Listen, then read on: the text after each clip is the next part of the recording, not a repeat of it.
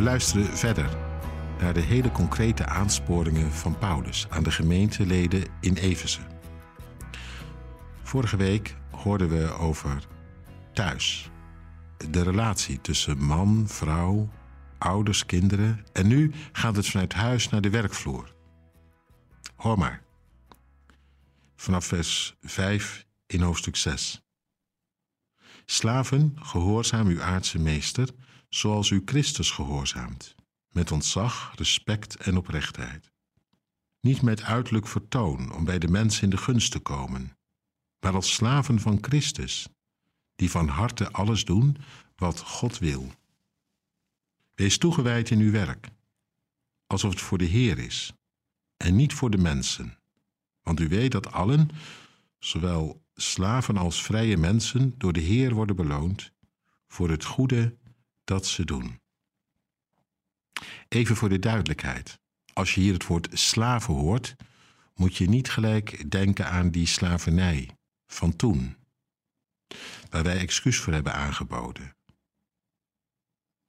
Het was in de wereld van het Nieuwe Testament toch net een beetje anders.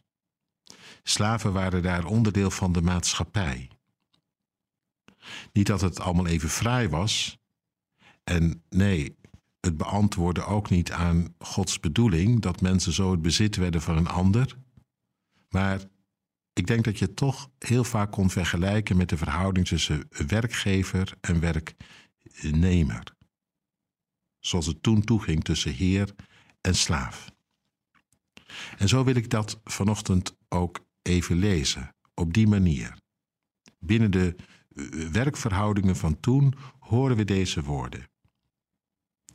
En waar gaat het dan om? Nou, dat jij van je werk van elke dag een goed werk maakt voor God. Zo zegt Paulus althans. Wat je ook doet, laat het een werk zijn voor God, een goed werk voor Hem. Dat vind ik een prachtige insteek. Je hoeft niet eerst iets bijzonders te gaan doen om een goed werk voor God te kunnen doen. De hele dag door, zeg maar, kun je dat doen door je dagelijkse werk, zegt Paulus, goed te doen, betrouwbaar, eerlijk. Waarin je niet de kantjes eraf loopt, maar waarin je jezelf eraan geeft. Ervoor gaat om er iets goeds van te maken. Dat wat de zaak ten goede komt. Prachtig.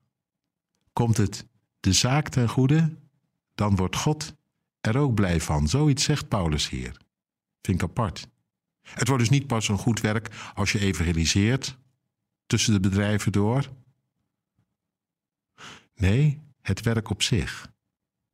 Als je dat eerlijk en betrouwbaar doet, is goed in de ogen van God. Ik denk even aan de Heidelberger Catechismus. Lang niet bij iedereen bekend.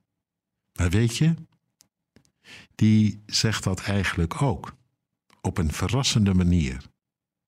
Bij de uitleg van de bede van Jezus, uw wil geschieden, gelijk in de hemel, zo ook op de aarde, dan zegt de catechismus dat betekent om te beginnen dat je elke dag net zo trouw je werk doet als de engelen dat in de hemelen doen.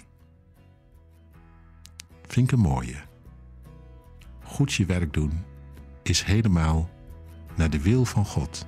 Dan geschiet op aarde wat in de hemel gebeurt.